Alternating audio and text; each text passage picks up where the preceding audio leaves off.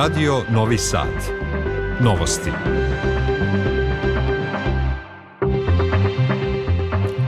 Dobar dan, poštovani slušalci, ja sam Aleksandar Grujić. Ja sam Tatjana Miražić. I sadržaj emisije. Uručenjem nagrada Kristal mnogim ličnostima iz kulture poče 53. svetski ekonomski forum u Davosu. Predsednik Aleksandar Vučić poručio da su borba za politički ugled Srbije i nove investicije ključni razlozi njegovog dolaska u Švajcarsku. Učenicima srednjih škola dodeljeno da 1200 nagrada Fonda za mlade talente za uspehe na domaćim i međunarodnim takmičenjima. Srpsko lekarsko društvo upozorava na slabo odziv na vakcinaciju dece MMR vakcinom. Više od 7000 civila poginulo u Ukrajini od početka rata, ali stvaran broj je znato veći, kaže u kancelariji Visokog komesara Ujedinjenih nacija za ljudska prava.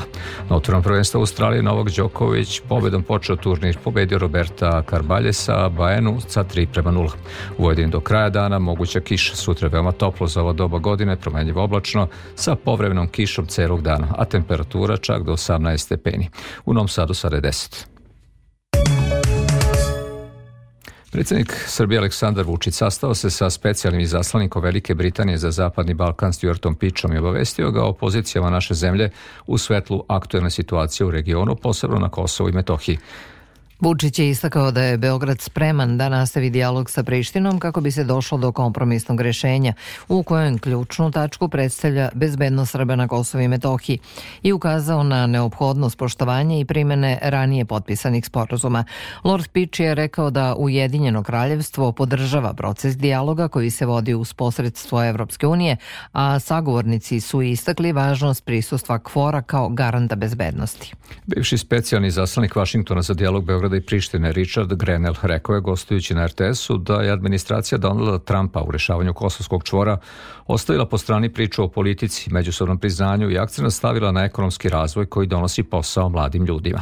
To nije politika administracije Josefa Bajdena koja je bavljenje tim problemom spustila sa nivoa predsedničkih izaslanika na nivo niže rangiranih predstavnika State Departmenta, tako da je Evropa preuzela inicijativu. Došli smo do haosa u kome sada vidimo da neto snage moraju da se umešaju. Ta promena e, je bila Albin uh, Kurti i veoma sam zabrinut da je Albin Kurti nastavlja da odbacuje američke ideje, nastavlja da odbacuje evropske ideje i da nema posledica po njega. Tako da će se to nastaviti sve dok e, ne budemo imali pritisak od strane Sjedinih država da bi se eh, da bi znao kakve su posledice. To je ono što me sada brine. U ovom trenutku nema posledica. Izvestilac Evropskog parlamenta za Srbiju Vladimir Bilčik naredne sedmice dolazi u zvaničnu posetu u Beogradu gde će učestvovati na sastanku međupartijskih dijaloga. Uoči dolaska kaže da od Beograda između ostalog očekuje napredak u dijalogu sa Prištinom kao i posvećenost reformama. Pripremio Ivan Ilić. Izvestilac Bilčih kaže za RTV da je uprkos teškim geopolitičkim okolnostima prošla godina bila uspešna za proces proširenja i da se nada takvom nastavku i u 2023. Ja mislim da je prošla godina bila odlična za proširenje jer je ono bilo odgovor EU na ruski napad na Ukrajinu koji smo kao i Moldavi dali kandidatski status, a Gruziji evropsku perspektivu i otvorili smo pregovore sa Severnom Makedonijom i Albanijom.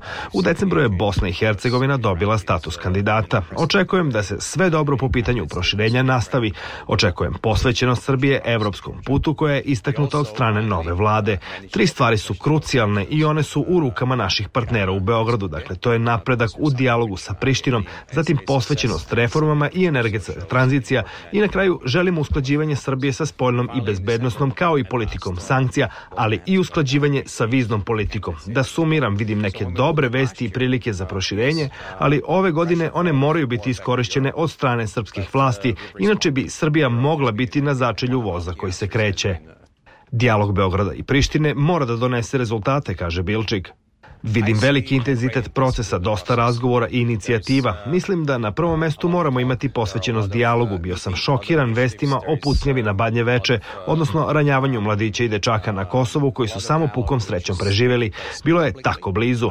Nema mesta nasilju, bez obzira koliko god da su teški odnosi između Beograda i Prištine. Na kraju ipak mora biti kompromisa. Svi dogovori od ranije moraju biti sprovedeni, uključujući i zajednicu srpskih opština.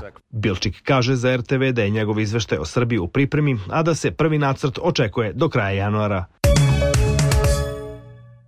Uručenjem nagrada Kristal brojnim ličnostima iz kulture sinoć je izvanično otvoren 53. Svetski ekonomski forum u Davosu. Svetski ekonomski forum održava se pod temom Saradnja u fragmentiranom svetu i trajaće do 20. januara, a u Švajcarsku su već doputovali predstavnici najvećih svetskih kompanija, lideri mnogih država, mada je evidentno odsustvo ruskog i američkog predsednika Vladimira Putina i Josefa Bajdena. Opširnije Boro Lazukić. Ukrajina, ekonomska recesija i uticaj globalnih previranja samo su deo tema današnjih prepodnevnih panel diskusija u okviru kojih su između ostalih govorili prva dama Ukrajine Olena Zelenski, predsednica Evropske komisije Ursula von der Leyen, ali i zamenik kineskog premijera Liu He. Osnivač Svetskog ekonomskog foruma u Davosu, Klaus Schwab, izjavio je da se svet nalazi u periodu reglobalizacije i da postaje međuzavisniji, ali da će sa druge strane biti mnogo više odnosa na osnovu poverenja. Here we are at the beginning of the new year Svi smo zapali u neku vrstu krize. Današnji svet je na kritičnoj prekretnici. Pandemija COVID-19 i rat u Ukrajini uzdrmali su već krhi globalni sistem. Ekonomski rast u najvećim svetskim ekonomijama je u zastoju i dalje rastu cene hrane i energije. Svet se po prvi put u 1970-ih suočava sa nesigurnom ravnotežom ekonomskog rasta i inflacije, koji se kreću suprotnim smerovima. Davos bi morao pomeriti mnogo toga u razmišljanju. Davos should help to shift that mindset. Predsednik Srbije Aleksandar Vučić tokom trodnevnog boravka u Davosu učestvovaće na tri skupa na kojima prisustvuju svetski lideri, među kojima je i sesija na temu diplomatski dialog o Zapadnom Balkanu. Na sajtu foruma je najavljeno da će Vučić u četvrtak biti govornik na panelu Širenje horizonata Evrope sa predsednicom Evropskog parlamenta Roberto Mecolom i premijerima Albanije i Irske Edijem Ramom i Leom Varadakarom. Ministarka rudarstva i energetike Dubroka Đedović i ministar energetike i infrastrukture Ujedinjenih Arabskih Emirata Suhail Al-Mazrui dogovorili su u Abu Dabiju potpisivanje memoranduma o saradnji u oblasti razvoja korišćenja vodonika kao novog energenta i nastavku saradnje u oblasti obnovljivih izvora energije. Na sastanku je konstatovano da saradnja Srbije i Ujedinjenih Arabskih Emirata u oblasti energetike ide uzlaznom putanju.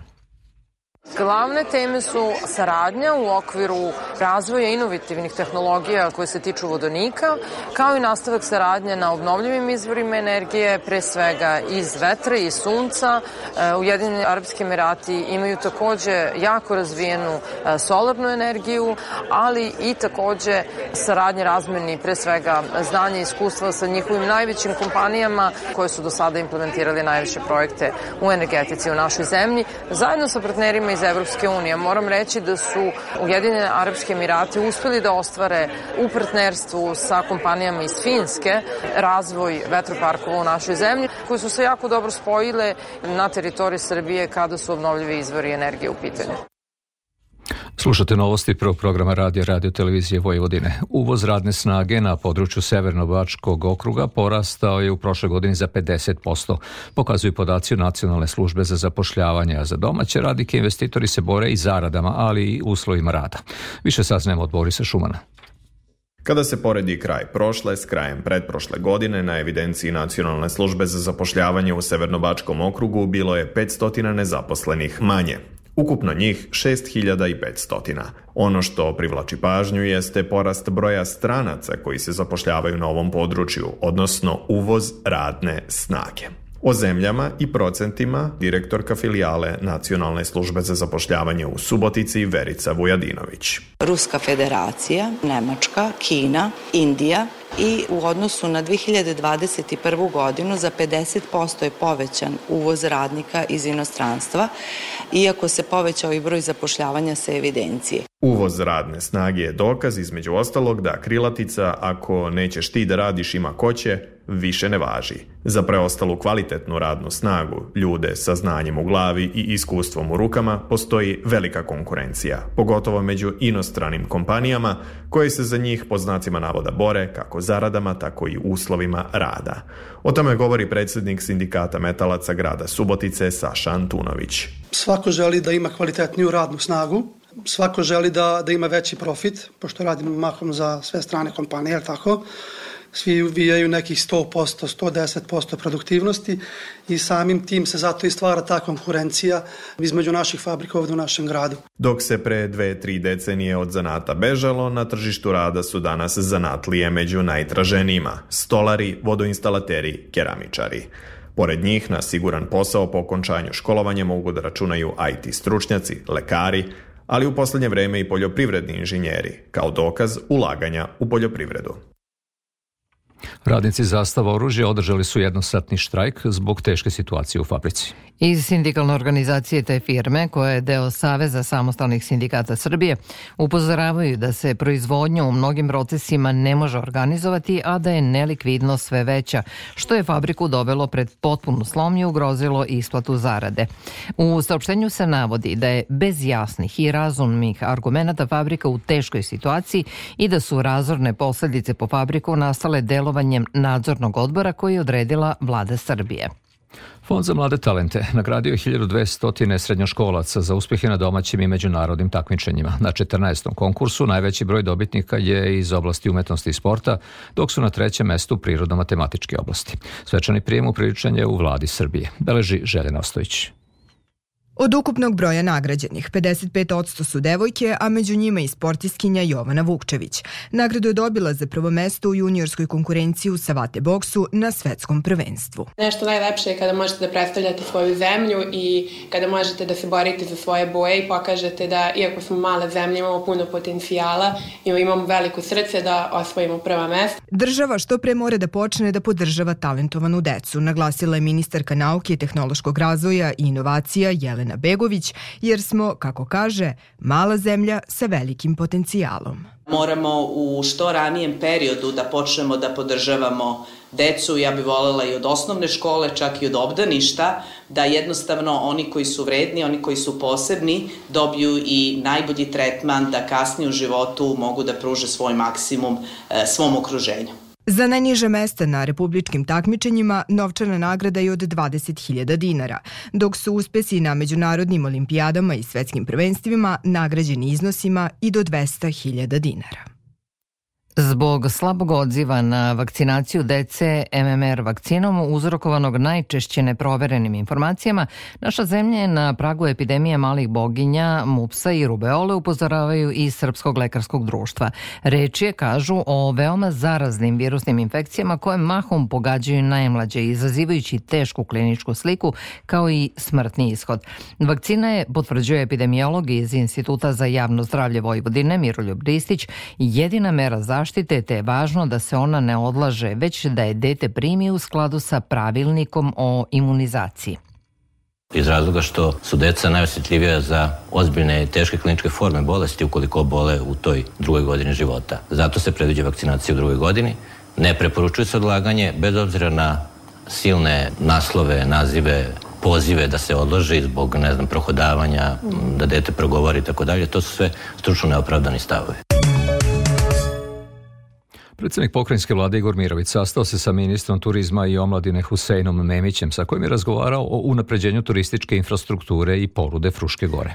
Saglasili su se da je potrebno sačiniti višegodišnji plan razvoja Fruške Gore koji će biti samoodrživ s obzirom na to da su njeni potencijali velike sa akcentom na verskom, vinskom i lovnom turizmu kao i na sportu i rekreaciji.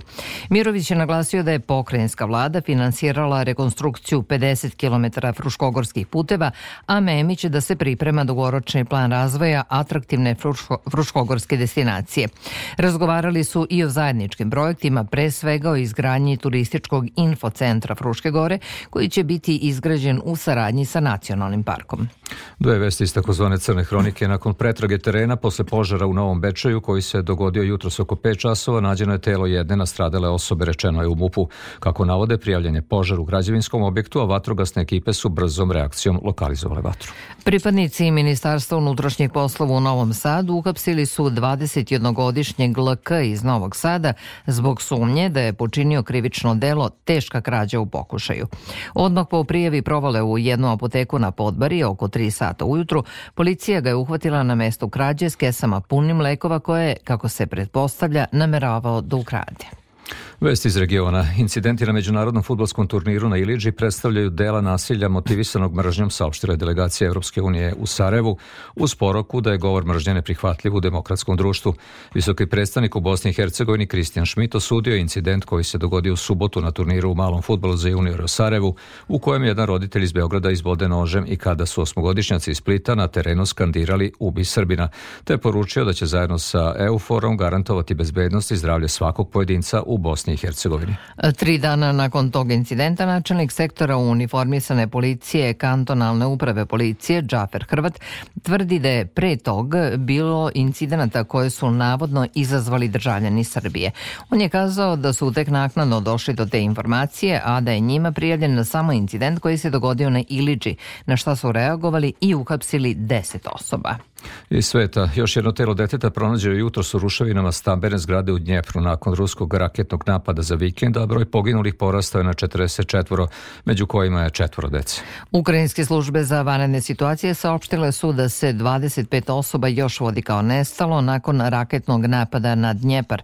Portparol Kremlja Dmitri Peskov rekao je da nijedna stambena zgrada nije bila meta raketnih napada u subotu. Više od 7000 civila poginulo je u Ukrajini od početka rata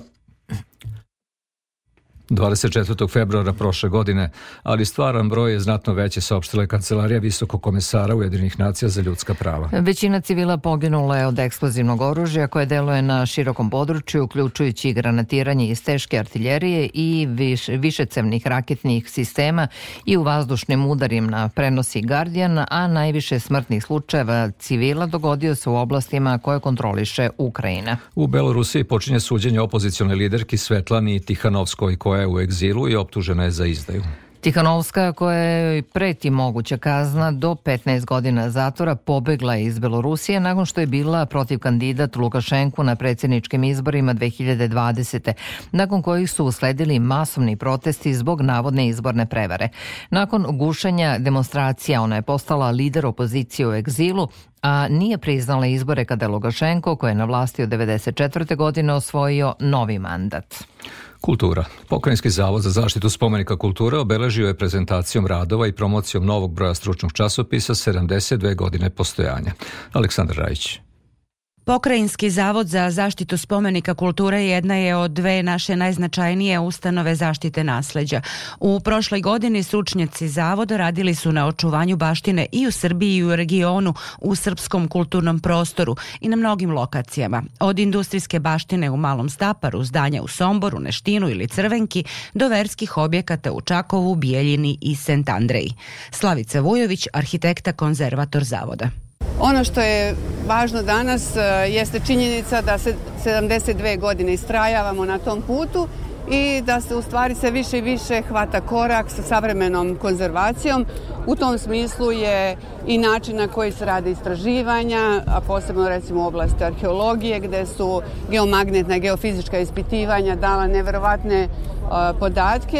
E, zatim je zaista u svim oblastima od arhitekture, slikarstva, u oblasti konzervacije, restauracije imamo izvanredne rezultate kako od Hilandara pa preko Mađarske, Rumunije, znači na svim tim prostorima E, gde god ima tog vrednog nasleđa koje je ostalo iz prošlosti srpskog naroda koje je u rasejanju se pomerao, su aktivni konzervatori Pokrajinskog zavoda. Za obeležavanje Dana zavoda odebrana je kulturna stanica Svilara, primer uspešne regeneracije industrijske baštine i njenog novog vrednovanja.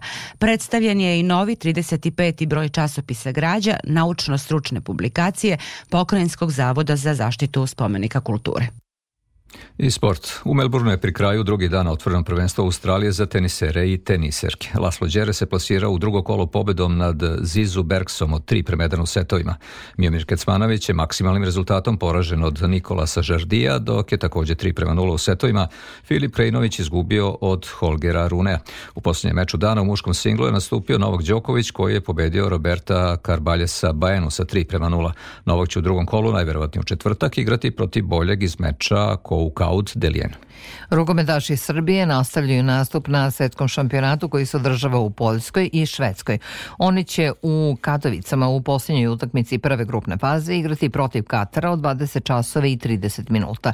Pobedom nad Katarom Srbija bi u narednu grupnu fazu prenela dva boda.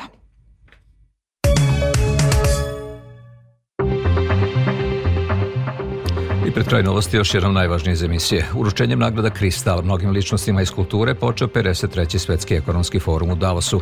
Predsednik Aleksandar Vučić poručio da su borba za politički ugled Srbije i nove investicije ključni razlozi njegovog dolaska u Švajcarsku. Učenicima srednjih škola dodeljeno 1200 nagrada Fonda za mlade talente za uspehe na domaćim i međunarodnim takmičenjima. Srpsko lekarsko društvo upozorava na slabo odzivnu vakcinaciju dece MMR vakcinom. Više od 7000 civila poginulo je u Ukrajini od početka rata, ali stvar stvaran broj znatno veći, ističe Kancelarija Visokog komesara Ujedinih nacija za ljudska prava. Na otvornom prvenstvu Australije Novak Đoković počeo pobedom. Pobedio Roberta Carbaljesa Bajenosa 3 prema 0. I u vremenu, premerenjem u 15 časova temperatura u Novom Sadu je 10 stepeni, vlažnost vazduha 82%, pritisak 984 milibara, vetar jugoistočni do 6 metara u sekundi. U do kraja dana moguća kiša. Da čujemo kako će vreme da bude sutra. U Vojvodini u sredu vrlo toplo za ovo doba godine uz umeren do pojačan južni i jugozapadni vetar. Tokom dana promenjiva oblačnost i moguća kiša ujutru, zatim sunčani intervali sredinom dana, a popodne novo oblačenje sa kišom. Minimalna jutre temperatura od 6 do 11, maksimalne od 14 u Subotici do 18 stepeni na jugu Banata. Za Radio Novi Sad, Stanko Sparavalo, Meteos. Slušali ste novosti prvog programa radija javne medijske ustanove Vojvodine. Sve informacije pronađite i na našoj internet stranici i na adresi rtv.rs gde novosti možete da čujete i odloženo. Pratite nas i na društvenim mrežama. Producentkinja Branislava Stefanović, tonska realizacija Agnes Ćurčija.